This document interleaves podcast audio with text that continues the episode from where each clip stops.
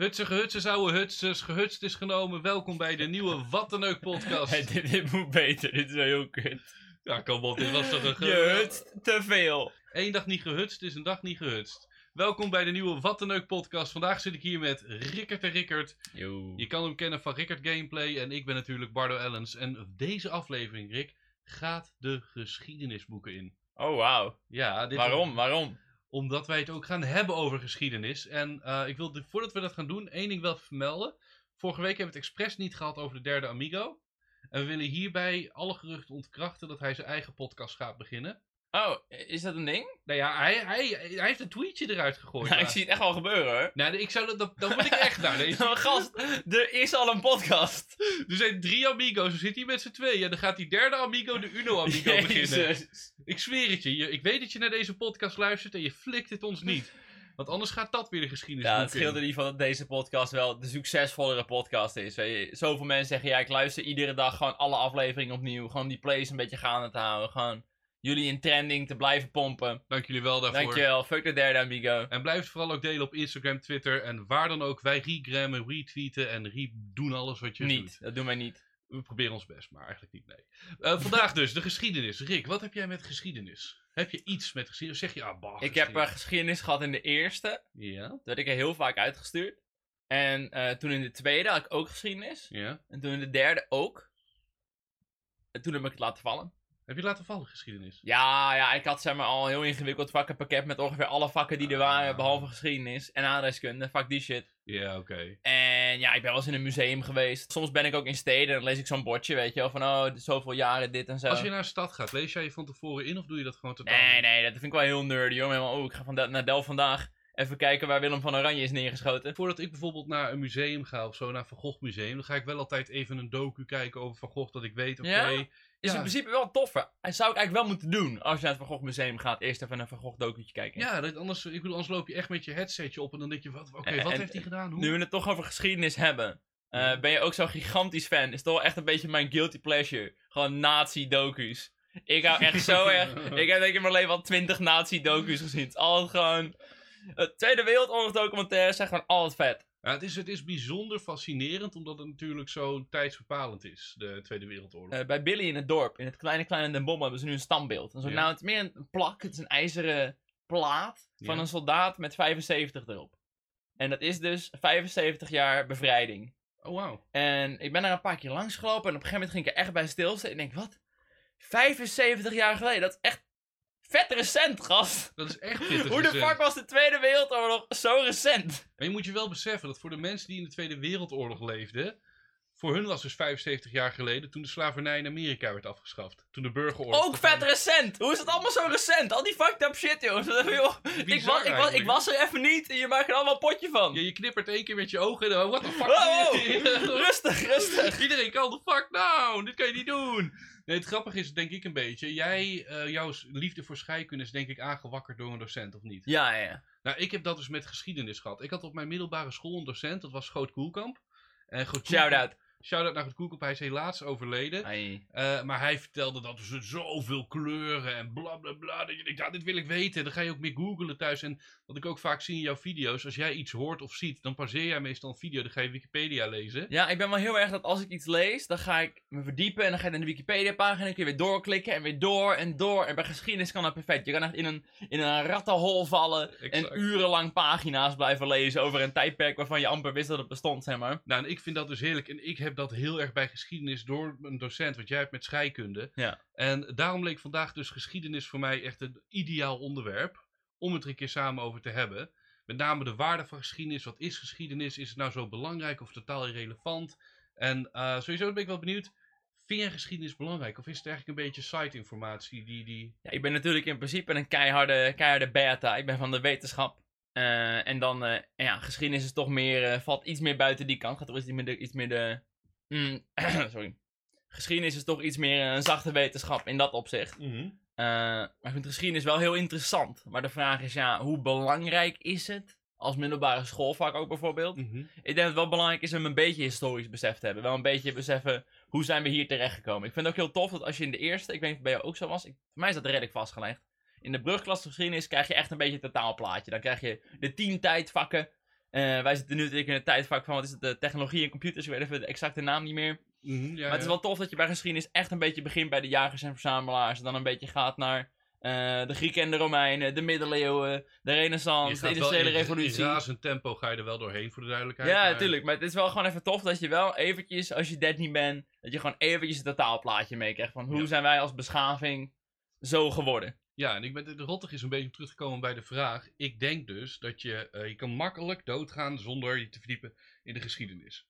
In principe kan je je hele leven door, waarschijnlijk zonder al te veel te weten over wat er nou precies in de Eerste Wereldoorlog is gebeurd. Daarom, alleen het stomme is een beetje, wat ik denk bij geschiedenis, het is fijn om te weten wat er is gebeurd, welke fouten er zijn gemaakt, zodat je zelf niet meer die fouten hoeft te maken. Dat geldt ook voor scheikunde. Ook al zijn het maar kleinere fouten of stupidere dingen, maar die, van die fouten, daar kunnen mensen op voortborduren en voortborduren en zo kunnen we verder komen. Nou, er zijn natuurlijk ook wel bepaalde vlakken waarop geschiedenis wel nuttig is. Bijvoorbeeld eh, eh, de geschiedenis tussen bepaalde landen kan weer heel relevant zijn. Omdat bepaalde dingen net een beetje gevoelig liggen bijvoorbeeld. True, true. En dat je niet eh, in dat soort vlakken op je bek gaat. Nee, en ik ben benieuwd. ehm, dus eigenlijk voor deze hele podcast wil ik het gaan hebben over geschiedenis. En dan ben ik direct benieuwd. Wat is voor jou het allergrootste moment in de wereldgeschiedenis? Dat je zegt, dit moment jongen. We hebben het in de auto er al heel kort over Ja. gehad. Het eerste wat ik gewoon even wil afknallen. Ik denk dat heel veel mensen, als ze denken aan echt een moment in de geschiedenis. dan gaan ze dus hebben over het begin van de Eerste Wereldoorlog. het eh, afknallen van Frans Ferdinand. Mhm. Een erg interessant stukje geschiedenis. maar ik vind het denk ik niet heel belangrijk. Want als hij niet vermoord was.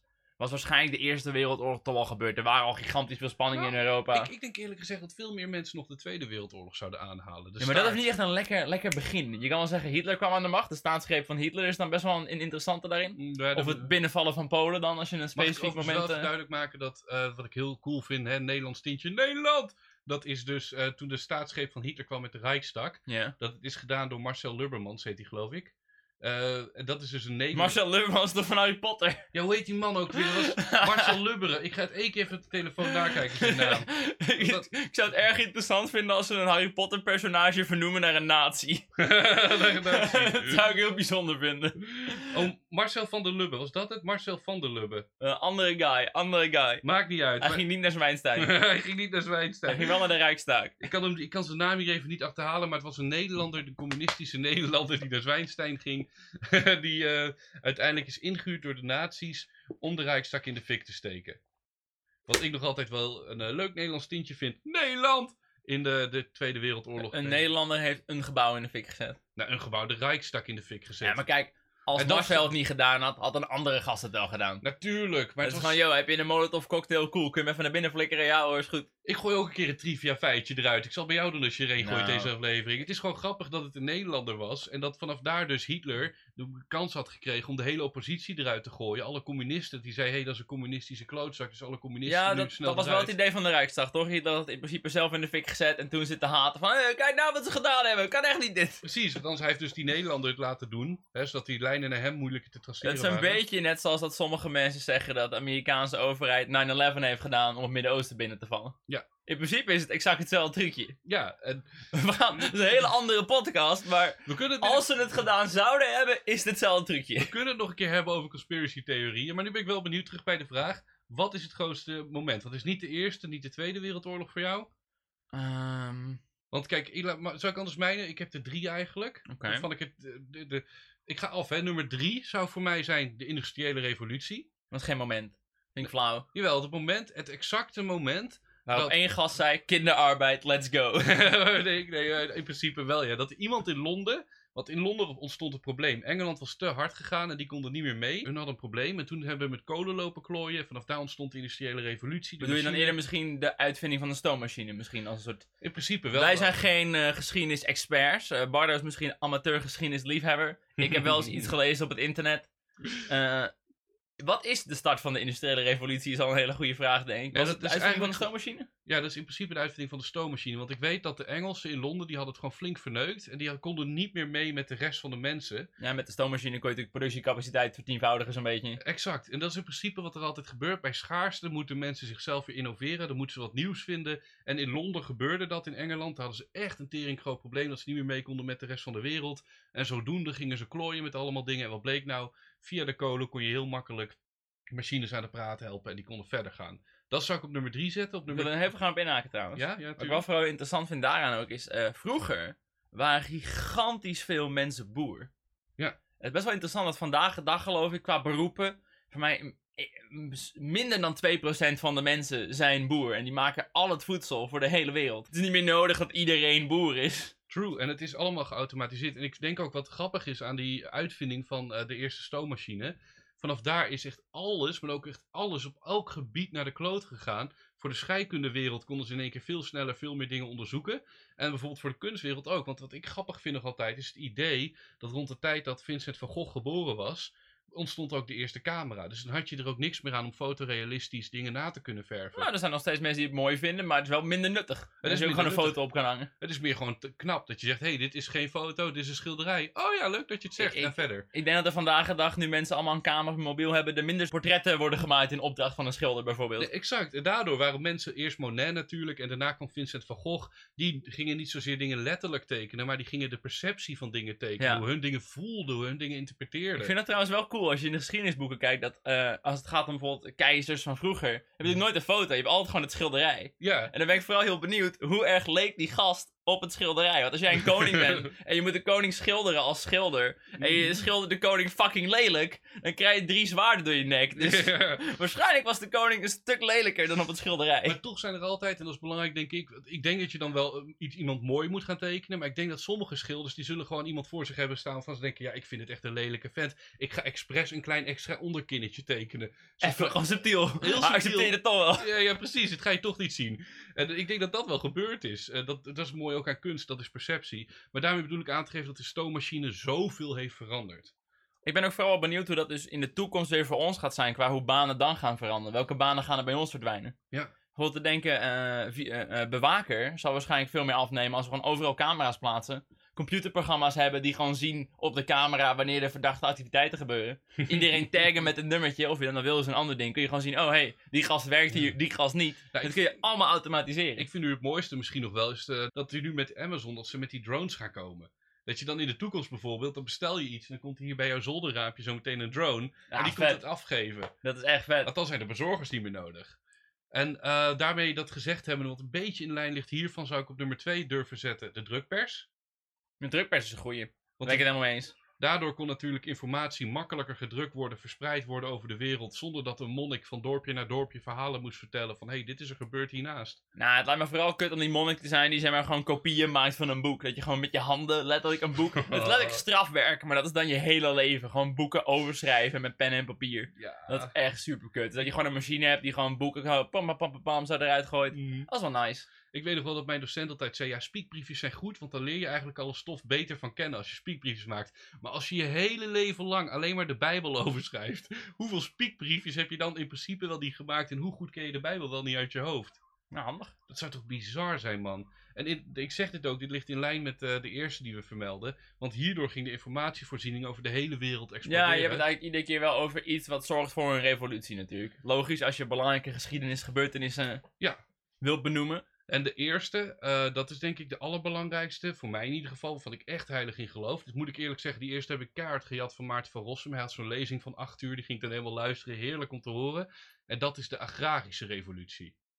En dat is dus, er zijn mensen geweest, die liepen altijd rond, hè, die liepen te jagen en te doen. En te verzamelen. Ja, Ja. te verzamelen. En op een gegeven moment was er één iemand die zei: Fuck it, ik ga, niet meer, ik ga niet meer jagen. Ik ga stilstaan. Ik ga hier wonen.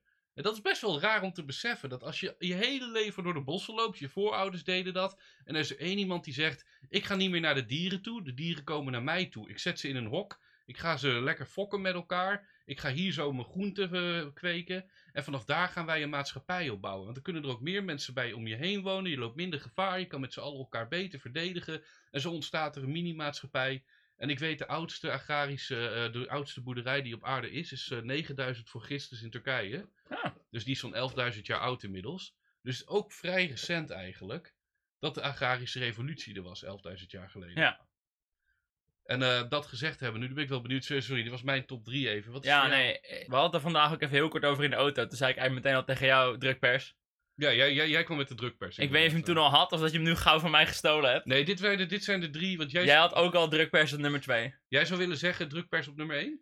Ik denk dat drukpers op nummer 1 ben ik persoonlijk toch al voor. Omdat in ieder geval het feit dat wij stopten met rondtrekken en in plekken gingen wonen. Is ook de reden dat op een gegeven moment steden, dorpen Dat is de reden dat de hele wereld eruit ziet zoals hij is. Dat is heel belangrijk, maar het doorgeven van informatie is ook gigantisch belangrijk. Dat was zo onhandig dat je allemaal dingen wist. En dan ging je dood. En was een heel groot deel van die kennis verloren. Behalve de dingen die je verteld had aan anderen. Toen de tijd kon natuurlijk sowieso heel veel mensen nog niet lezen. Ja. Dus eh, de boeken die er wel waren, die werden dan voornamelijk voorgelezen. Nou, als je niet oplet, ben je het nog weer kwijt. Het zal je maar gebeuren dat je op je sterfbed ligt hè, voor de drukpers en dacht, oh ja, kut, ik moest nog vertellen over de... Oh, oh, en dan ben je dood. Oh. Dat je denkt, oh kut, ik heb dit niet verteld. Ik had nog een tip. Ja, ik had nog één belangrijke tip en dat is gewoon verloren gegaan. Want je moet wel nagaan, dat is een beetje het lastige waardoor ik de drukpers op nummer 2 zou zetten. Dingen werden wel opgeschreven en gedeeld, alleen de echt super belangrijke informatie werd opgeschreven en gedeeld. Het is niet zozeer, want bij de drukpers werd het echt toegankelijk voor de massa. Weet je, en de- daarvoor was het allemaal, er waren wel geschriften, maar die geschriften waren voor de elite, zeg maar. Ja, ja. Ik heb nog een klein anekdotisch verhaal erover. Ik weet dat Socrates had een teringhekel aan boeken. Echt waar? Ja? Hij zei, vakdingen opschrijven, je moet het gewoon onthouden. Maar de reden dat wij eh, de dingen die hij zei hebben opgeschreven, is wel de reden dat we vandaag de dag nog weten. En we weten dat hij een teringhekel heeft aan boeken, omdat iemand het heeft opgeschreven. Echt waar, ja. dus dankjewel daarvoor in ieder geval. Ja, de Plato natuurlijk, hè, de grote student van eh Socrates. Die gast heeft vast wel eens een keer iets met pen en papier gedaan. Of nou ja, pen, een veer of zo met inkt. Weet ik veel wat ze toen deden. Houtskool oh, met papier is. Moet je nagaan. Maar dat is, dat, dan zit je ook echt. Ik moet zeggen, misschien dat wij ook een beetje te verwend zijn nu. Want als je nu informatie deelt met elkaar, zoals ik nu met jou aan het praten ben, of als jij deze podcast luistert, dan zit je ook gewoon op je luie reet en het gaat je ene oor in, je andere oor uit. Terwijl als je weet dat je dit nooit meer weer gaat horen, dan zit je veel alerter te luisteren. Dan weet je, oké, ik moet alles bijhouden, ik moet alles Nou, onthouden. Het is wel deze podcast. Ik weet niet of er nou echt iets interessants eh, gezegd gaat worden wat je echt moet horen. Nou, oké, true, true. Weet je wat ik altijd zo grappig nog vind als laatste over de drukpers, informatie delen en zo? Dat zei ik ook in de auto nog tegen jou. Volgens mij kan je eraan afmeten of iemand echt van geschiedenis houdt door de brand bij Alexandrium. Ja, ja. Want er is ooit een keer een plek geweest. Volgens mij was dat. Heeft Alexander de Grote dat opgezet? Weet jij? dat? Eh, dat kan ik voor je opzoeken. Zoek jij het ondertussen op? Want er is een plek geweest waar ze ooit alle oude geschriften hebben verzameld. Maar ook echt alle oude geschriften. En er was een hele grote bibliotheek die uiteindelijk in de fik is gevlogen. En alles wat daar lag, en dat waren de grootste, de meeste eh, papieren die er bestonden, die zijn gewoon verloren gegaan. Dus heel veel informatie weten wij niet. Ik vind alleen maar winkelcentrum Alexandrium. Nee, ik dacht, volgens mij is het de brand van Alexandrië. Is het de bi- Bibli Alexandrië? Ah, shit. Het is de bibliotheek van Alexandrië. Niet Alexandrium, Alexandrië die in de fik is gevlogen. Ja, een hele hoop eh, belangrijke teksten verloren. Is het dan echt Alexander de Grote die het gewoon Alexandrië heeft genoemd? Ehm, Ja, Alexander de Grote. Veroverd door de Macedonische Grieken onder Alexander de Grote en vormde vanaf toen het kerngebied van, het Heili- van de. Hellenistische wereld. Oh jongens toch, ik kom niet uit mijn woorden. Maar dat is toch bizar dat je alles hebt verzameld op één plek en dat die plek in de fik vliegt. Dit is waarom sommige mensen dus een soort extra harde schijf hebben en nog een extra harde schijf. Precies, om te zorgen dat dit niet gebeurt. Het doet me trouwens ook direct denken aan het idee wat Hitler had in de Tweede Wereldoorlog. Volgens mij weet jij dat ook wel. Dat hij alle kunsten ging stelen uit heel Europa om één mega museum te maken op één plek. Moet je nagaan dat dat gebeurd zou zijn en dat dat mega museum in de fik zou vliegen. Met alle doeken van Picasso, alle doeken van Van Gogh, alle doeken van Monet, Rembrandt, alle kunstenaren van Europa. Gelukkig hadden ze toen wel foto's. Dus dat je nog zeg maar de backup van alle doeken. Ja, dat is waar. Maar het zou wel in principe best jammer zijn als de grootste wereldkunstwerken allemaal tegelijkertijd in de fik vliegen. Ja, want wist je dat bijvoorbeeld eh, de doeken van Van Gogh, de, de zonnebloemen, Ja. er, is, er zijn er twee van geloof ik in Japan, of één in Japan geweest. Ja. Alleen die zijn vernietigd in de Tweede Wereldoorlog. Oh, wauw. En daarom zijn de Japanners ook zo gek op de zonnebloemen van Van Gogh. En komen ze hier ook naar Europa toe om die te Omdat ze die daar niet meer hebben. Nee, maar ze hebben er eentje terug opgekocht. Want er zijn er in totaal zes. Waren er zes, nu nog vijf.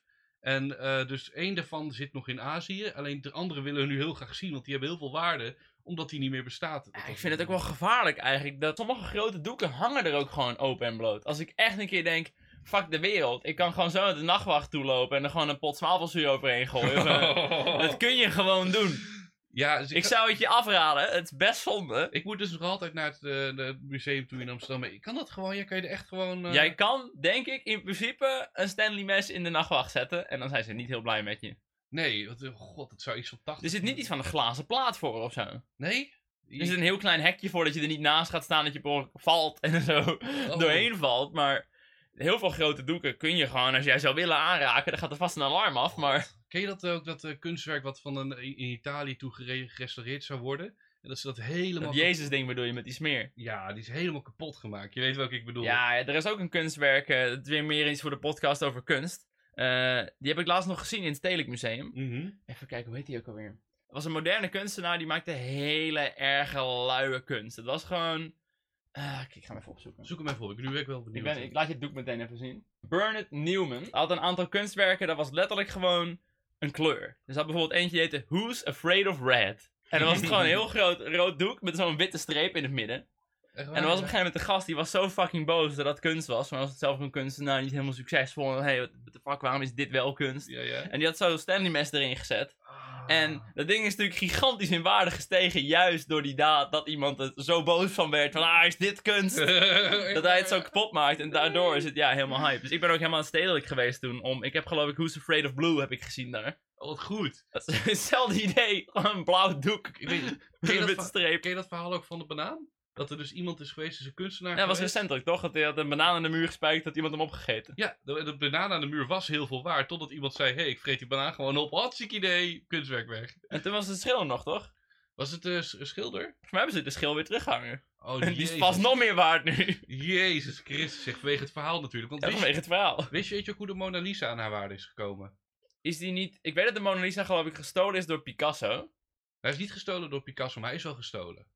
Hij is gestolen geweest eh, begin eh, 20e eeuw ergens. Daarna was hij verdwenen en was er een heel mysterie. Waar is de Mona Lisa? Wie heeft de Mona Lisa? Picasso. Uiteindelijk is hij. Ja, het is gewoon Picasso geweest. Uiteindelijk is hij boven water gekomen, teruggehangen. En toen wou iedereen zien: wat is die Mona Lisa dan? Waar ging deze rel over? Dit mysterie. We zijn een beetje afgedwaald van geschiedenis, maar het is wel een heel interessant ding. Ja, sorry. Eh, laten we doorgaan, want het belangrijkste moment hebben we een beetje doorgenomen nu. We hebben getest hoe kan je weten of je van geschiedenis houdt. Nou, door de brand bij Alexandrië in de bibliotheek Vind ik bijvoorbeeld. wel heel makkelijke.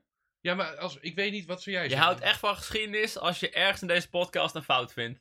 Ja, waarschijnlijk Kan niet wel. heel moeilijk zijn, dus... Nee, dit is gewoon echt, het zijn gewoon twee, wij zijn twee geschiedenisliefhebbers, die lullen maar wat raak. En voor mij was het dan, als ik denk aan de, bibli- de brand bij de bibliotheek van Alexandrië, dan moet ik wel een beetje huilen. Dat ik denk, er is zoveel informatie verloren weg. Dat vind ik echt Ja, dat is balen. kut.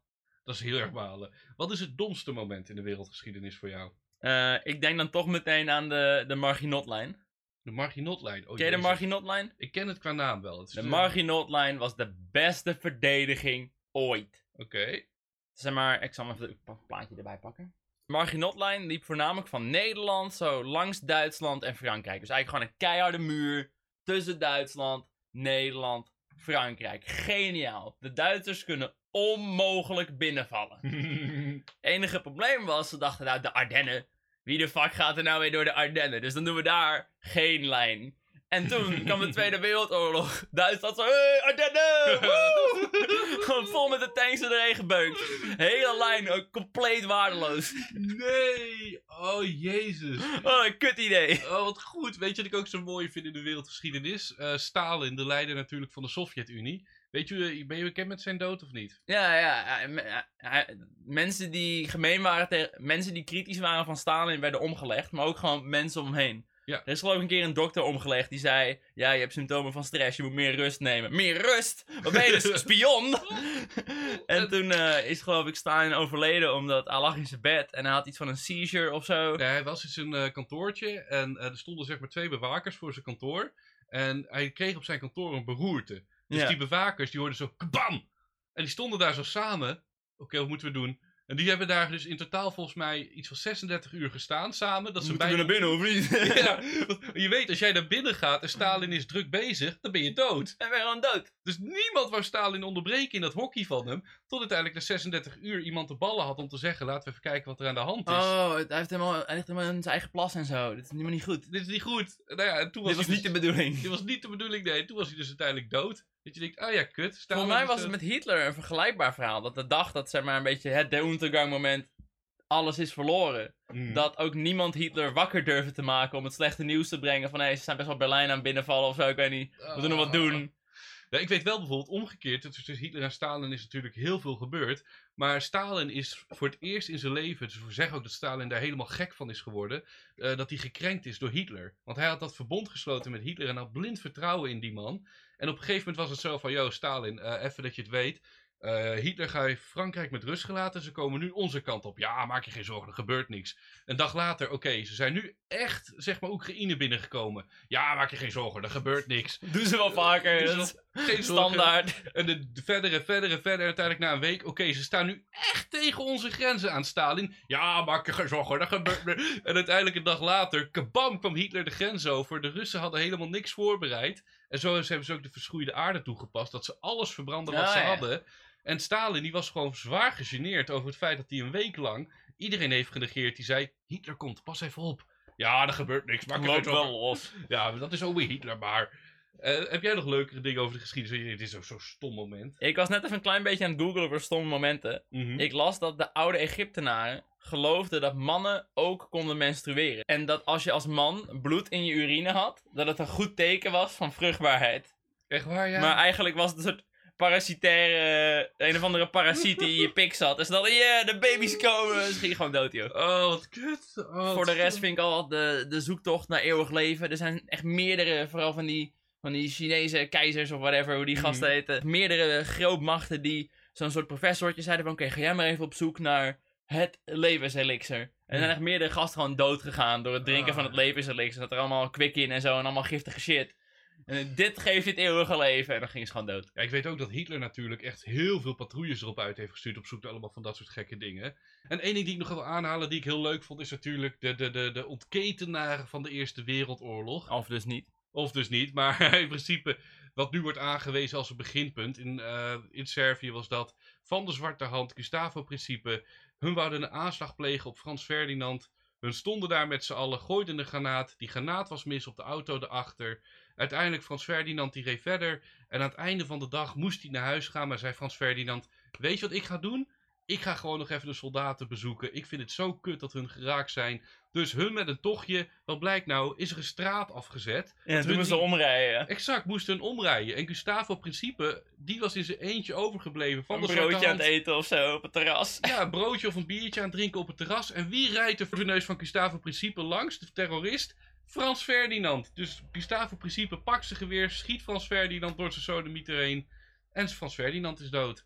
Dat je denkt, wat de hel is daar gebeurd? Er zijn zoveel toevalligheden. Die moord op Frans Ferdinand is zo dom geweest, dat het echt nergens op slaat. Wat ik dan een beetje op dezelfde manier interessant vind, is eh, de gigantische hoeveelheid aanslagen op Hitler die hij allemaal overleefd heeft. Ja, dat is bizar. Maar meer personages in de geschiedenis. Fidel Castro zijn in Amerika gigantisch veel aanslagen op gepleegd. Echt waar, ja? Ehm, Stalin vast ook.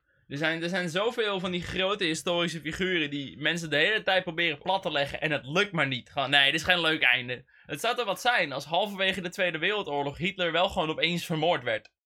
ja, dat, Dat zou interessant geweest zijn. Dan wordt het spicy. Dan komt er een of andere andere eh, hoge ranking nazi in één keer aan de macht. Oh, ja, ik, ik weet bijvoorbeeld, ken je dat verhaal ook van eh, president Theodore Roosevelt?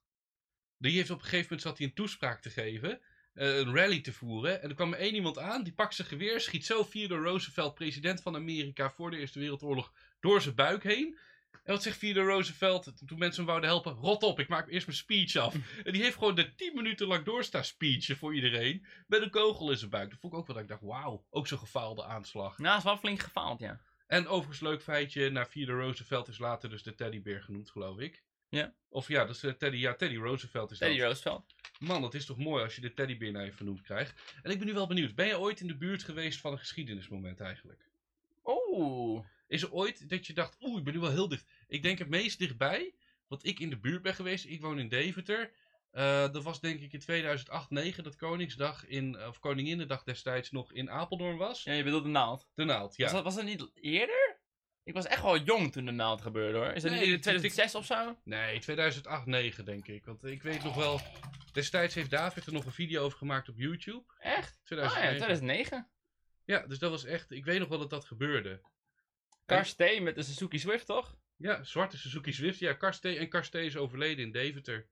Waar ik dus vandaan kom. En dit is, dit is het enige wat ik kon bedenken van... Wat Ik echt dacht, nog een beetje bij jou in de buurt is qua geschiedenis. Ja, hier precies. Ik zie hier trouwens ook toevallig even Deventer staan, de, overgebracht naar het ziekenhuis in Deventer. Nee, we get it. Deventer, we get it. Maar dit bedoel ik meer binnen, dit was zeg maar 10, 15 kilometer was ik hier verwijderd van een stukje geschiedenis, wat waarschijnlijk vergeten gaat worden, maar het was Ah, ik zit vooral te denken, wat zijn nou echt de grootste geschiedenisgebeurtenissen die gebeurd zijn in mijn levensloop? Ik denk dan toch wel, eh, natuurlijk de, de aanslagen op eh, Theo van Gogh en eh, Pim Fortuyn. Ja, logisch. Precies. Ik ben, ik ben nu gewoon wel benieuwd, wat zijn nou echt de grootste gebeurtenissen dan verder? Behalve die twee aanslagen. De naald is trouwens ook een aanslag. Waarom zijn alle interessante geschiedenisgebeurtenissen in Nederland blijkbaar aanslagen? Het zijn allemaal droevige momenten, hè? Ja, kijk, ik, ik denk dat, eh, dat was een andere vraag die ik dus had. Eh, wat is voor jou het grootste moment tot nu toe in de 21ste eeuw aan geschiedenis? Ik denk 9-11. Ja, ik weet dat heel veel mensen gaan voor 9-11, maar... Ik heb toch het gevoel alsof het, eh, ja, ik wil niet zeggen wel meeviel. Ik probeer niet de 9-11 Ja. te downplayen, maar... En weet je wat het is? Het is een beetje voor mijn gevoel een equivalent van bijna Pearl Harbor. Pearl Harbor heeft natuurlijk in de Tweede Wereldoorlog ook iets geïnitieerd. Waardoor de hele pleuris uitbrak. Nou, ik denk dat 9-11 vooral een soort gevoel van veiligheid bij mensen wegnam. En in één keer toch het idee van, oh, terreur is best wel een dingetje, zeg maar. Ja, ik denk ook dat het heel veel mensen heeft geïnspireerd om deze aanslagen te plegen. Dat ze dachten oké, wij als Einzelgangers kunnen dit dus neerzetten. Wat iedereen nog banger maakte en nou ja, waardoor de verdeeldheid nog groter werd. Ja. Want wat zou jij aanwijzen dan in de 21ste eeuw als het grootste moment? Buiten de WK-finale 2010. In Nederland bedoel je? Ja, en AZ-kampioen telt ook niet voor jou? Ik zit even te denken wat ik nog meer heb meegemaakt. Wat echt wel indruk op mij maakte was die, eh, die NOS-camping. Want ik was toen ook echt live televisie aan het kijken. Ik heb het live op televisie gevolgd Echt toen. waar, ja? En ik was toen in Amsterdam, dus in principe is Hilversum niet heel veel verder weg. Nee, nee. Dus ik was daar nog best wel in de buurt. Niet dat ik even ging kijken wat hij aan het doen was, maar Oh, wauw. Weet je, weet je toch even wat anders dan de aanslag. Wel weer het was wel weer een wapen in het spel, Een maar kaping. Ja, het was er toen zo eng, met name omdat Charlie Hebdo, ook een hele grote, was dat net- ik ook echt wel indruk op me gemaakt. En Charlie Hebdo was net gebeurd, waarbij dan een komisch tijdschrift werd, eh, nou, eigenlijk gewoon naar de kloten werd geschoten. Dat was wel meer dan komisch, ook best wel eh, rechts volgens mij. Ja, rechtskomisch. Het was- Islamkritisch. Natuurlijk. Het was ook in de tijd dat Het South... is niet de Donald Duck, zeg maar. Nee, het is niet de het zou anders Duck. zijn als je denkt in de redactie van de Donald Duck overhoop schiet. True, true. Maar het was wel in de tijd ook dat South Park bijvoorbeeld zwaar bedreigd werd, omdat hun eh, de profeet van de islam in beeld wouden Ja, brengen. ja, ja. Dus het was echt een spannende tijd. En dat dan in één keer twee, drie maanden later de NOS werd, dit was echt een grote gebeurtenis. Dat weet ik nog wel. En ik weet, ja, Jezus, ik, ja, is dat, is, dat het ge- is dat voor jou ook het grootste moment van de 21ste eeuw? Ik ga kijken. Grootste gebeurtenissen Nederlandse geschiedenis 21ste. Ik, ik ga even googlen, want ik heb toch het gevoel alsof we iets heel erg aan het vergeten zijn hier. Ja, je kan natuurlijk de MH17, moord Nee, op maar dat is geen geschiedenisding. Zeg maar, uiteindelijk was het wel een soort politiek ding, maar er is nooit echt wat uitgekomen. Zelfs de Russen die het gedaan hebben, lopen nog vrij rond. Dus Je kan ook zeggen de vuurwerkramp Enschede, cafébrand ja, dat was een heel tragisch ongeluk. Maar ik denk dat er niet echt een soort politiek... Er was niet echt een...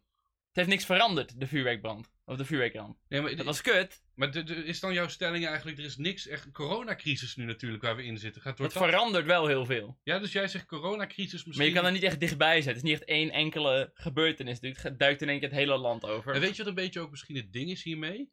Dat je hebt heel veel afstand nodig van de gebeurtenis om in te kunnen schatten hoe erg het is. We zitten nu midden in de coronacrisis, dus we kunnen nu niet zeggen dat Ja, het- misschien over vijf jaar is het, oh, viel wel mee. Of we zitten over vijf jaar met onze mondkapjes op, anderhalve meter afstand te houden. Ja. Te denken, oh, wanneer ga ik ooit nog Jan Smit live zien? Terwijl toen de Berlijnse muur viel in eind jaren 80, iedereen wist, dit is een groot moment. De Berlijnse muur is gevallen, de Koude Oorlog is voorbij.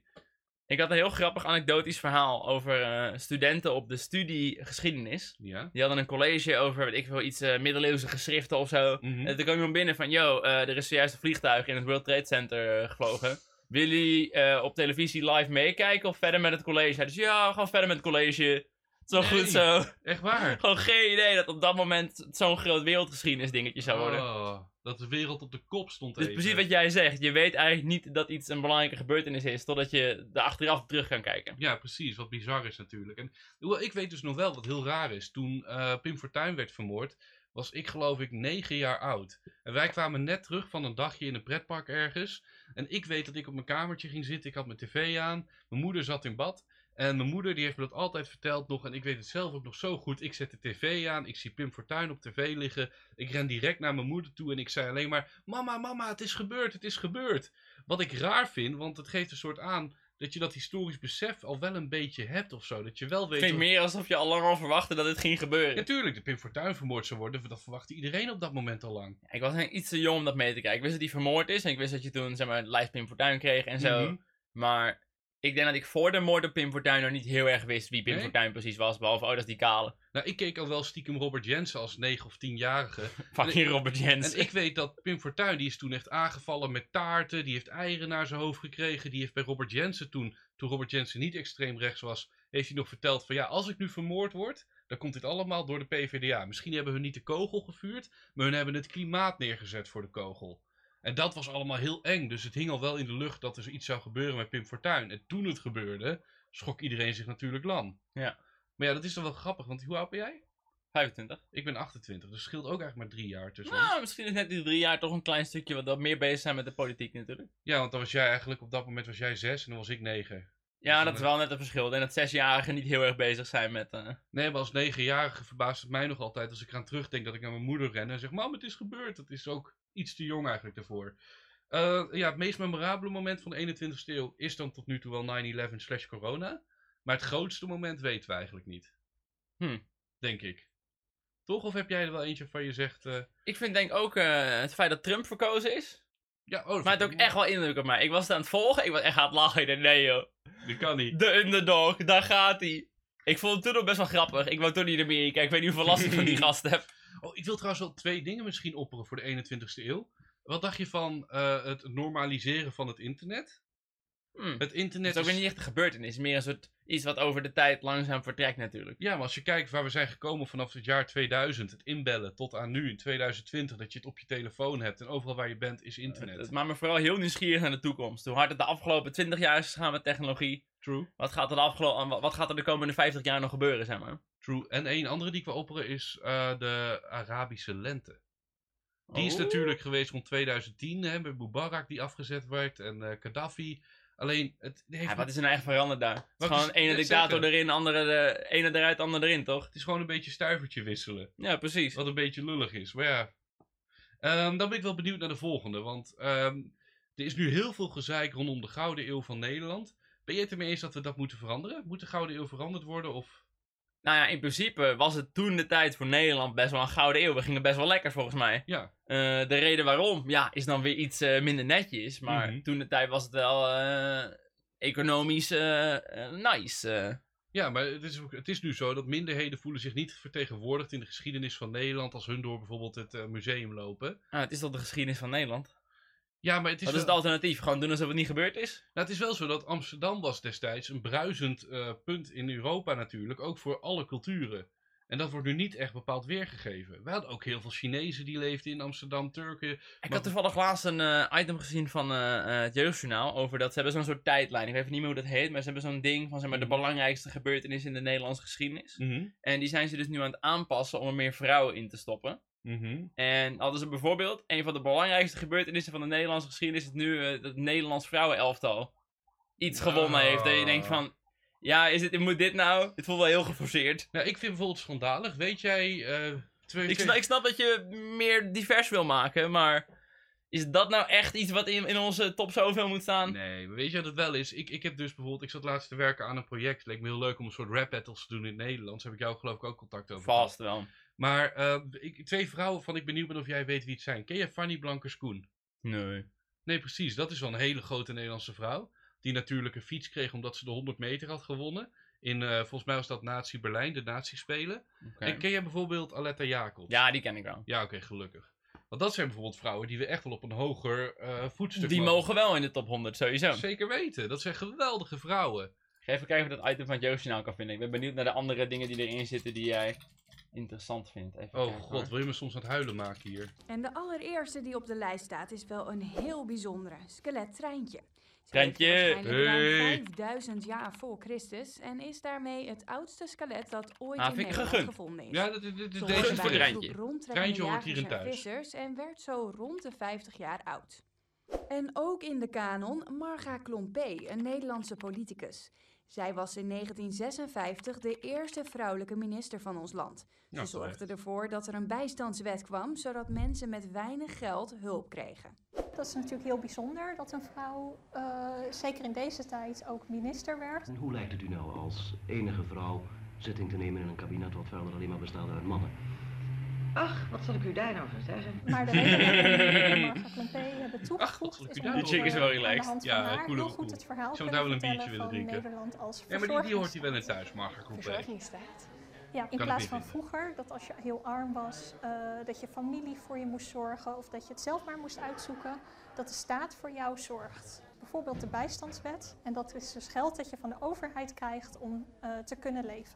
En nummer drie op de lijst kennen jullie wel, de Oranje Vrouwen. In 2017 werden ze Europees voetbalkampioen. Maar er staat ook niks van ander voetbal in, zeg maar. Het hoort niet. Ik, ik zou niet. Zo, ja, ik noemde net voor de lol AZ kampioen en WK 2010 finale. Maar dit is niet wat hij in. Ik Nee. snap dat je meer vrouwen wilt voor kinderen die dit zien. Ook wat meer vrouwelijke representatie. Maar Nederlands elftal kampioen, is dat nou echt de Nederlandse geschiedenis? Doe dan Fanny Blankers-Koen. Want Fanny Blankers-Koen werd ook kampioen op een veel moeilijkere tijd. En dit is, ja, ik vind het echt bullshit. Ik word hier zelfs een beetje pissig van, merk ik. Vorig jaar eindigden ze als tweede op het WK. Ook tweede! My Toch god. om trots op Fuck te hell. zijn. Je ziet dat eh, net als in de samenleving, in de sport, eh, vrouwen een steeds belangrijkere rol krijgen. En je merkt dat als eh, het Nederlands elftal, in wat Ja, voor maar vorm dan ja, ook, weet je wat de is? Ik, ik, ja, ik gun het ze. De vrouwen horen hierin thuis. Eerste voorbeelden allemaal top. Helemaal mee eens. Maar dat voetbal, nee. Dat is... Te geforceerd. Nee, terwijl ik vind wel sport hoort hierin thuis tot op zekere hoogte. Maar kies dan een belangrijker iemand. Nogmaals, Fanny Blankers-Koen, ik blijf de naam maar roepen. Die heeft echt iets bijgedragen aan het algemene beeld. ik, vind, ik vind niet per se dat sport een hele grote plek zou moeten hebben in de wereldgeschiedenis. Dat is eventjes in dat jaar dat Nederlands elftal bijvoorbeeld iets winnen, is het even hype, even al met onze vlaggetjes de straat op en zuipen. En dan twee jaar later is het, nou, dat was lachen, hè, jongens. Nou, kijk, nee, neem bijvoorbeeld nu dat is als- niet iets wat je je kinderen mee moet geven. Weet je, toen papa 12 was, Nee. toen won AZ het kampioenschap. Boeien. Maar ik moet wel zeggen, als wij in het EK 2021 winnen, dan vind ik dat dat best een voetnoot mag zijn in de coronatijd. Dat je zegt corona dit, corona dat, corona Maar we dat. hadden wel gevoetbald. Ja, maar uiteindelijk kun je zeggen, en uiteindelijk wonnen wij als schalen troost in 2021 het EK. Nou, Alle lachen. andere landen als extra klap erop hebben het EK verloren. ja, dan moet En corona en het EK niet gewonnen. Dat Nee, is balen. Ja, jezus, het is, het is dubbel, het is heel lastig. Maar ik, ik denk juist nu dat vrouwen juist nu meer naar voren kunnen komen, maar niet op sportgebied. Ja, op sportgebied komen ze wel meer naar voren, maar... Nee, ook niet. Vrouwen weg. nee, geen vrouwen hier, godverdomme. Ik had trouwens nog één feitje wat ik graag even tussendoor wilde sliden. Natuurlijk. Nu we het toch een beetje over tijdlijnen hebben van de geschiedenis. Mhm. Weet je hoe ze het jaartal aanduiden in het oude Egypte? Nee? Dat deden ze aan de hand van de koning en het jaar dat de koning aan de macht was. Dus het was niet het jaar 300, het was Ramses 18 bijvoorbeeld. Oh, serieus? Ja, Dus het, eh, de jaartallen daar resetten de hele tijd. ze zeg resetten maar. eigenlijk gewoon per koning. Je kan dan zeggen, oh, het is het Oh. zoveel jaar van die koning zijn. Het enige ding is een beetje onhandig. Als je in een jaar meerdere koningen hebt, wordt het vast één grote puinhoop. Ja, dan weet je niet hoe oud je bent. Dan snap je er opeens geen flikker meer van. En heb je er nog steeds iedere keer een begin van het jaar? Of Oh, waarschijnlijk niet? Maar als jij tegen mij zou zeggen, papa, hoe oud ben jij? Nou, ik ben geboren in Ramses 7. Dan zie ik echt Eh, als kind, oké. Zouden we eh, ook gewoon kunnen doen nu met de kinderen uit Rutte 3. Ja, wanneer ben jij geboren? Ja, Rutte 3. Maar ik zou dan moeten zeggen, voor mezelf geloof ik, Wim Kok 1, eh, jaartal 2. Nou, Zoiets, netjes.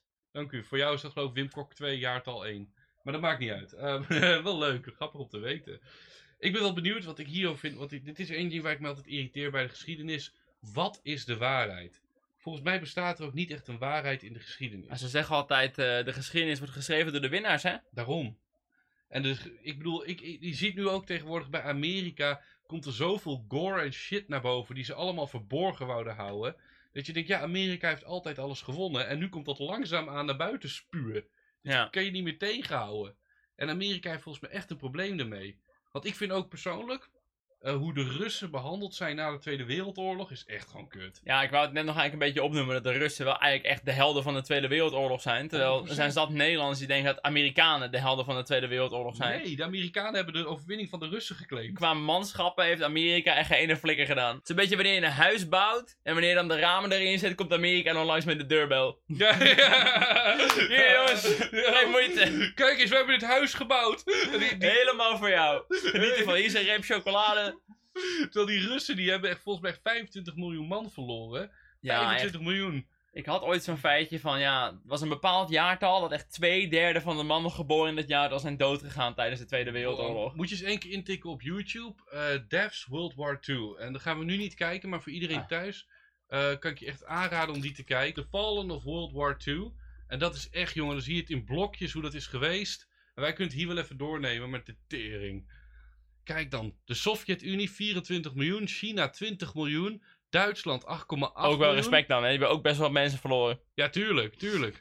Alleen daar staat Amerika, die staat, die staat gewoon... En niet eens in de top 10, joh. Die staat niet eens in de top 10 en de onderste heeft een miljoen. Maar dan heeft Amerika niet eens een miljoen opgeofferd? Zoals ik schrik Nee, hiervan. Niet eens. Echt waar, ja.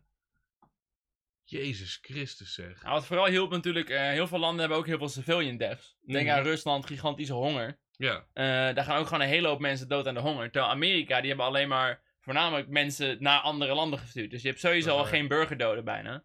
ja die 6000 civilian deaths zijn voornamelijk Pearl Harbor geweest, geloof ik. Dat zijn 3.000, 4.000 Echt? mensen geweest. Zoveel wel? Ja, Holy Pearl Harbor shit. was echt 3.000, 4.000. That's pretty big. En ik zie hier bijvoorbeeld, Amerika heeft in totaal 413.000 man verloren. Dat is best balen. Dat, is- best balen. Dat is heel veel. Dat mag zeggen hoor, dat is veel. En in totaal heeft Rusland dus 30 miljoen, 29 miljoen mensen verloren. In perspectief is dat wel zeg maar net bijna 100 keer meer dan Amerika. Ja, dat is toch bizar. En die hele race, want ik weet, Rusland die zat al een week lang te dansen in Berlijn toen de Amerikanen aankwamen van, hé, hey, we zijn er ook. Hoi. Dat je denkt, jongens, ze hebben wel een soort van Nederland bevrijd, of niet? eh, de Russen of Amerikanen? Amerikanen. Ja, ik denk al, de Amerikanen wel, ja. De Amerikanen en Canadezen, maar die zijn gewoon via eh, Frankrijk, België, Nederland naar Duitsland gegaan. En daarna hebben ze de rest wel even opgeruimd. Heel goed. Wat natuurlijk bizar is. Alleen het grappige is, vind ik dus, dat moet je altijd onthouden als je geschiedenisboek leest. Dit is geschreven door de overwinnaar. En de overwinnaar heeft ook wel zijn geheimpjes die hij niet, die die niet in de boeken wil opnemen. Is dit een moment waar je de holocaust gaat ontkennen? nee, nee, nee, nee, nee. Wel, ik denk natuurlijk wel. Ik ben echt benieuwd als Hitler de Eerste Wereldoorlog of Tweede Wereldoorlog had gewonnen. Hoe dan de holocaust weggezet zou worden? Zou je er niks over horen? Ja, was het, was, het, was het een geheimpje geworden? Of was het zo geworden van kijk wat voor geweldig Ja, we hadden gewoon wat mensen in kampen gestopt om te werken en toen hadden ze honger of zo, weet ik veel. Je moet ook niet vergeten, Hitler heeft twee keer aan de Wereldbond, dat is nog de voordat eh, de VN er was, heeft hij gevraagd of ze alsjeblieft wouden helpen met het Jodenprobleem. En de Wereldbond heeft twee keer toe, geloof ik, gezegd tegen Hitler van nee, dit is wat de fuck mankeert jou, doe normaal. Doe normaal. doe normaal gek, dat is geen probleem. En Hitler heeft dat dus wel, hij wou ze dus in de eerste instantie eerst... Naar Madagaskar toch? Ik dacht dat hij alle Joden naar Madagaskar wilde shippen. Vol- Volgens mij ook, ja. Was Madagaskar wel, ja? Alle Joden Madagaskar, toen bleek dat dat qua transport nog best een duur grapje werd. Ja, best wel ver ook, Madagaskar. En geen enkel land wou hem helpen. Iedereen zei, wat markeert jou, halve garen gek. En je moet natuurlijk even door leuk feitje van mijn zijde dan. In principe is de Tweede Wereldoorlog ook de Eerste Wereldoorlog direct. Want de Eerste Wereldoorlog was geen wereldoorlog. De Eerste Wereldoorlog was gewoon een grote oorlog binnen Europa. Het was wel voornamelijk een Europa dingetje natuurlijk. Ja, want wij, het enige reden dat het een wereldoorlog is, is omdat we allemaal koloniën hadden over de wereld. En daardoor kon je Ja. dus zeggen, oké, Afrika doet ook mee, Zuid-Amerika doet mee, Australië doet mee. Terwijl eigenlijk het was alleen Europa. Ja, sommige mensen vinden dus ook dat de Tweede Wereldoorlog niet bestaat. Omdat het eigenlijk gewoon eh, de Eerste Wereldoorlog deel 2 is. Dat klinkt een beetje raar, maar het Hmm. idee is dat de Tweede Wereldoorlog is een product van de spanningen van de Eerste Wereldoorlog. De Eerste Wereldoorlog was nooit echt af. Het was gewoon een klein beetje afgekoeld. Ja. En toen in één keer is het weer verder gegaan. Uiteindelijk was het vooral dat ja, Duitsland moest zoveel geld betalen natuurlijk, omdat ze de Eerste Wereldoorlog verloren hadden. Ja. Daardoor waren ze heel pissig en begonnen ze de Tweede Wereldoorlog. Als de Eerste Wereldoorlog nooit gebeurd was, was de Tweede Wereldoorlog er ook niet geweest. True, heel erg true. En ik, ik vind de stelling altijd heel grappig en daar kan ik me ook helemaal in vinden. Sorry voor de mensen die het verkeerd opvatten, maar lees een boek, pannenkoek. dat, eh, ik geloof wel dat Duitsland had die Eerste Wereldoorlog moeten winnen. Dat zei je net ook al. Keizer Wilhelm, als die hem had gewonnen met de centrale krachten, dan denk ik echt dat het misschien beter was geweest voor de wereldgeschiedenis. Ja, dan waren de Was Duitsland niet heel kut in de Eerste Wereldoorlog? Nee, nee, keizer Wilhelm was niet heel kut. Die was nog best wel redelijk. Die was best wel aanspreekbaar op heel veel punten. Alleen doordat hij de Eerste Wereldoorlog verloor, daardoor lag Duitsland in puin. En het grappige wat je ziet bij alle landen die in puin liggen, Duitsland lag in puin, geen koning meer, wat gebeurt er? Hitler. De Sovjet-Unie lag in puin, had geen Saar meer, wat gebeurt er? Stalin. En het, dat is grappig wat je overal weer terug ziet komen. Dus Ja. elk, elk land met elke monarchie die valt, daar komt in principe een dictator weer bij. Ik bedenk me nu wel opeens, nu je het net had over de geschiedenis wordt geschreven door de winnaars, dat het lijkt heel vaak, als je kijkt naar een oorlog, dat de goede jongens winnen wel. Ja, dat, dat is inderdaad. Hey, ik heb er nooit over nagedacht hoe slecht was Duitsland ook alweer tijdens de Eerste Wereldoorlog. Ze hebben verloren, Duitsland was best wel kut in de Tweede Wereldoorlog, ze waren vast ook heel kut tijdens de Eerste. Ja, terwijl bij de eerste viel nog wel mee. En toen keizer Wilhelm trouwens is afgezet, die is niet vermoord. Weet je waar die uit is eh, gevallen? In Nederland! Sorry, bij, eh, Volgens mij was het bij Doorn. weer trots op Nederland, hè? Ja, tuurlijk, bij Nederland. Het, huisje, het afscheidshuisje van keizer Wilhelm staat nog in nee, die hebben gewoon afgezet, toch? Ja, die is afgezet. En mocht had op een gegeven moment nog een soort brief naar Hitler geschreven om een shout-out te geven. Van ja, lekker bezig, pik. Volg me op Instagram. Volg me op Instagram. Het keizertje Wilhelm. Ja, want ik weet wel, dat volgens mij is dat ook heel raar. Want Hitler heeft niet keizer Wilhelm vermoord in de Tweede Wereldoorlog. Wat totaal bizar is. Want als je die kans hebt, zou ik zeggen, ja...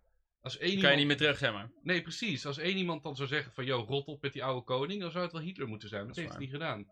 En ik wil nog benadrukken dat in 1913, in de Eerste Wereldoorlog, dat er gewoon een tijd was dat Hitler, Trotsky, Tito, Freud en Stalin allemaal samen, met Frans Jozef ook nog In. Parijs waren, zeker. eh, in, nee, Wenen. Wenen. Oh, Wenen, tuurlijk. In, in dezelfde plek Toen Hitler op de kunstacademie zat.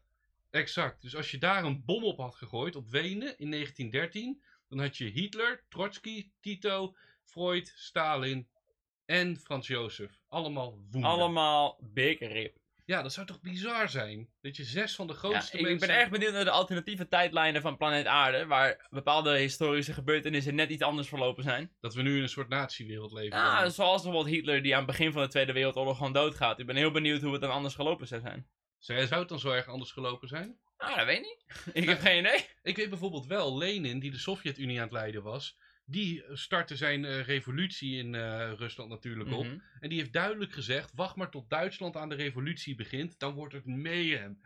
En wat gebeurt er? Lenin die stierf helaas, werd opgevolgd door Stalin. Maar ik weet niet of Lenin, als die nou niet stierf aan, volgens mij was het een hartstilstand, als hij daar niet aan dood was gegaan, of hij het had Ah, was het kunnen... heel anders gelopen denk ik wel hoor. Ja, denk je? Voor mij zei Lenin ook nog best wel eh, specifiek. Eh, geen Stalin, please. Ja, dat heeft hij heel duidelijk gezegd. Jongens, Stalin is kut, jongens, please. ja, wat er ook gebeurt, geen Stalin. Oké, is goed, we doen Stalin. Nee, what the fuck, nee, geen Stalin. Oké, komt hij dan. Nu we het toch net een klein beetje over de Tweede Wereldoorlog hadden, wil ik nog even gaan mijn top 3 favoriete operaties eh. Oké, oké. De Tweede Wereldoorlog had een paar hele lijpe ideeën. Mhm. Even mijn favoriete. Naar mijn mening nog best wel bruikbaar voor volgende oorlogen. Ja. Eh, de Duitsers hadden operatie Bernhard. Oprecht geniaal. Het idee was een heleboel Brits geld namaken. Dan met vliegtuigen over Brittannië vliegen. Mhm. Ja, ja, en het uit vliegtuigen gooien. Om Mhm. op die manier de economie kapot te maken. Slimme, hele leuk ook. Dat is echt lachen. Dat is echt een out-of-the-box strategie. Dat je denkt van ja, dit zou nog best wel eens kunnen werken. Uiteindelijk Mhm. hebben ze het niet gedaan. Ik weet niet meer waarom. Waarschijnlijk dachten ze, oh, dan gaan ze onze economie ook kapot maken. Hebben we gewoon allebei geen economie meer. Ik weet niet precies meer wat de reden was dat Bernard niet is doorgegaan. Mhm. Die was vet. Je hebt Operation Mincemeat. Die is daadwerkelijk gelukt. De Britten die vonden het lichaam van een aangespoelde zwerver. eh, die had rattengif gedronken, die was dood. Toen hebben ze hem een soort generaalspak aangedaan. En toen weer gewoon teruggelegd op het strand. Zodat de Duitsers hem zouden vinden. Mhm. En in zijn borstzak zat eh, een soort correspondentie met geheime vertrouwelijke informatie. Daarin stond: Wij gaan binnenkort de stranden van eh, Sardinië en Griekenland gaan wij binnenvallen. Als geallieerden. Ja, ja. Toen hebben de Duitsers daar al hun verdedigingen neergezet. En toen zijn ze naar Sicilië gegaan. Oh, wat goed. Die wist ik niet eens. Wat Gewoon leuk. een complete afleidingsmanoeuvre. Oh, wat goed. Door middel van fake nieuws. Wat vet. Leuk. Met een like ook nog. Oh, wauw. En de derde? De derde is ehm, Operation Outward. Deze was Ja. ook heel erg slim. Wat ze gewoon deden, is ze lieten ballonnen op in de lucht met daaraan een soort stalen draadjes. En die stuurden ze dan zo de grens over richting Duitsland. Ja. En die maakten dan gewoon storing op alle elektriciteitsmasten. Oh, dude. Het was super goedkoop. Dus dat ik gewoon een heliumballon met een ijzeren draadje eraan gewoon die kant op gooien. Kostte echt geen drol. En je kon daar zo goedkoop mee gewoon Oh, elektriciteitsnetwerken platleggen. Wat slim. Dat soort dingen zijn handig. Wat goeie. Wat leuk om te horen.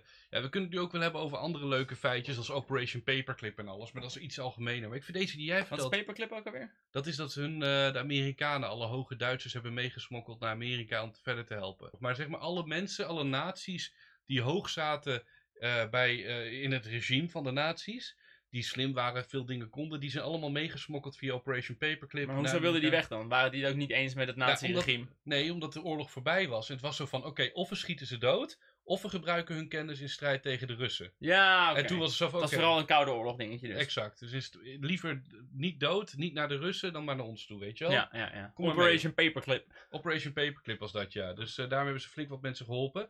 En als laatste lijkt het me nog leuk om een kleine quiz te doen. Daar gaan we wel even snel doorheen rammen, Rick. Ben je er een beetje klaar voor? Nee. Ik Nee. ga echt falen Ja, ben je er als een voor? paperclip. Ik ga ook zelf wel meedoen dan. dan als, als we falen, dan falen we met z'n allen. Geschiedenisquiz met Bardo. Een leuke geschiedenisquiz nog wel. Nou, hè? dat zal wel niet. Ehm, dus even kijken. De allereerste vraag. Op welke steden zijn de nucleaire bommen gegooid? Hiroshima en Nagasaki. Ding, ding, ding, ding, ding. Die is helemaal goed, jongen. De Tweede Wereldoorlog ehm, is natuurlijk gevochten tussen allemaal groepen. Welke gro- welk land hoort niet bij de Axis Powers? Het staat in het Engels, ik moet het even vertalen. Ja. Eh, we hebben Denemarken, Bulgarije, Roemenië en Italië. Welk land hoort niet bij de centrale krachten? Dus de, Oeh. bij de nazi's. Eh van ons Denemarken overgenomen, toch? Tellen ze dan een soort van mee? Dat is iets minder de- vrijwillig. Eh, dat is iets minder vrijwillig. Dus Denemarken zeggen we. Ik zeg Denemarken. Ja, dat is helemaal goed.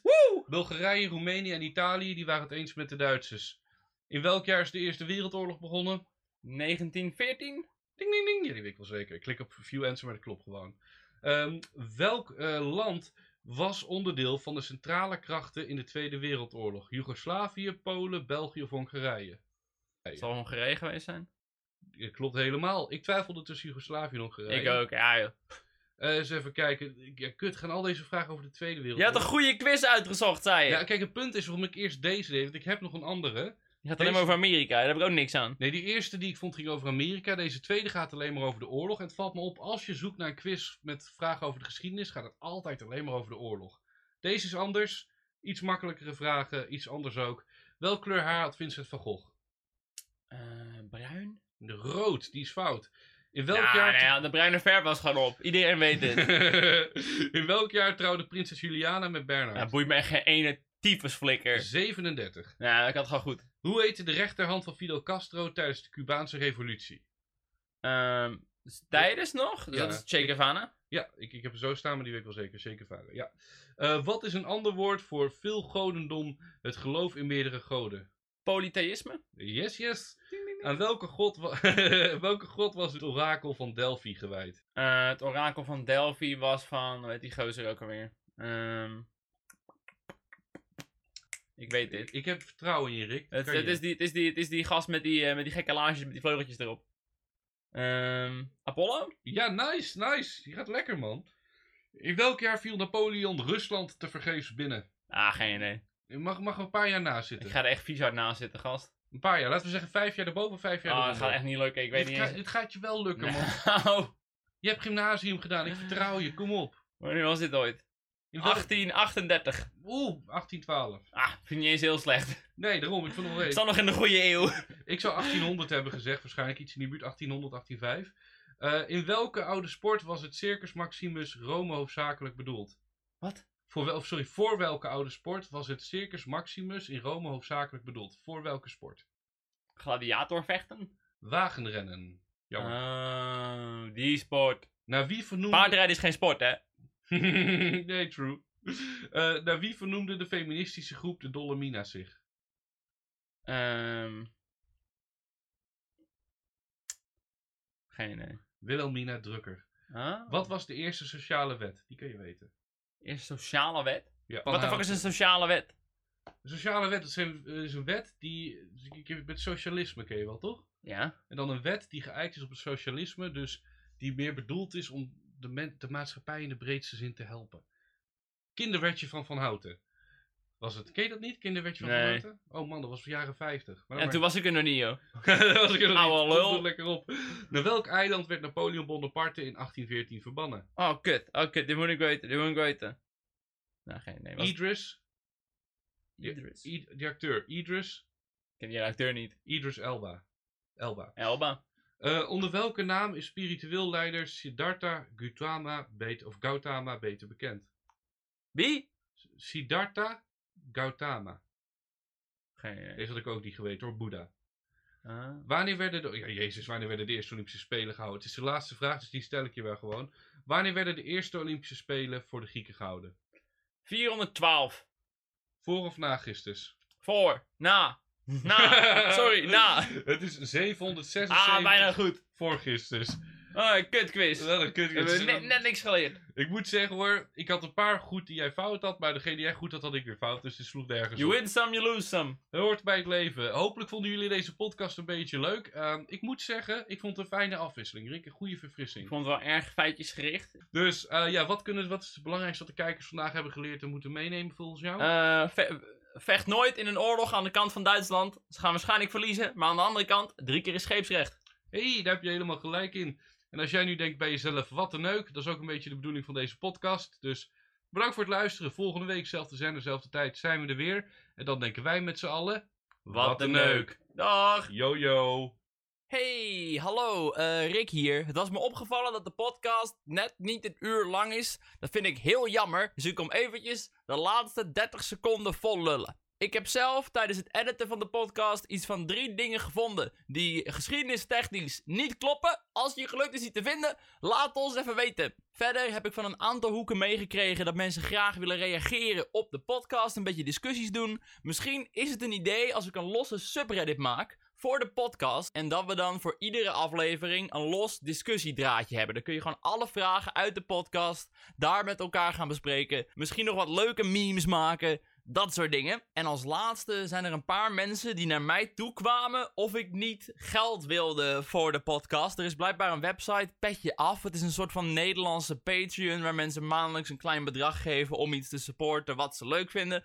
Nu heb ik, nu heb ik zelf zoiets van ja, ik heb genoeg geld. Ik vind het niet per se nodig, maar ik weet dat Bardo nogal krap bij kas zit. Het enige ding waar ik een beetje mee zit is dat de podcast die daaraan meedoen, dat je een paar euro per maand betaalt, die bieden vaak ook heel veel extra's aan. Extra podcast, achter de schermen dingen, interviews, vragenuurtjes. Nu vind ik het zelf als creatieve gozer gewoon heel kut om dingen te maken zoals podcast en ze dan maar aan een beperkte hoeveelheid mensen te laten horen. Als ik iets maak, heb ik liever dat iedereen het hoort en niet alleen de mensen die ervoor moeten betalen. Dus dat zou er dan voor zorgen dat we dat niet doen. Dat als je betaalt, dat er geen extra's zijn. Maar ja, heel veel mensen gaan dan waarschijnlijk niet betalen. Lang verhaal, heel kort. Laat even weten wat je van zoiets zou vinden. En of je bereid zou zijn om de podcast te steunen. We hebben ook niet echt tijd, denk ik, om een heleboel extra's te gaan maken. Of Bardo en ik moeten echt veel meer via internet doen. En Bardo moet deze shit, godverdomme, zelf ook maar eens gaan zitten editen. In ieder geval, dankjewel voor het luisteren. En hopelijk tot volgende week. Misschien dan wel op tijd. Tot dan. Joejoe.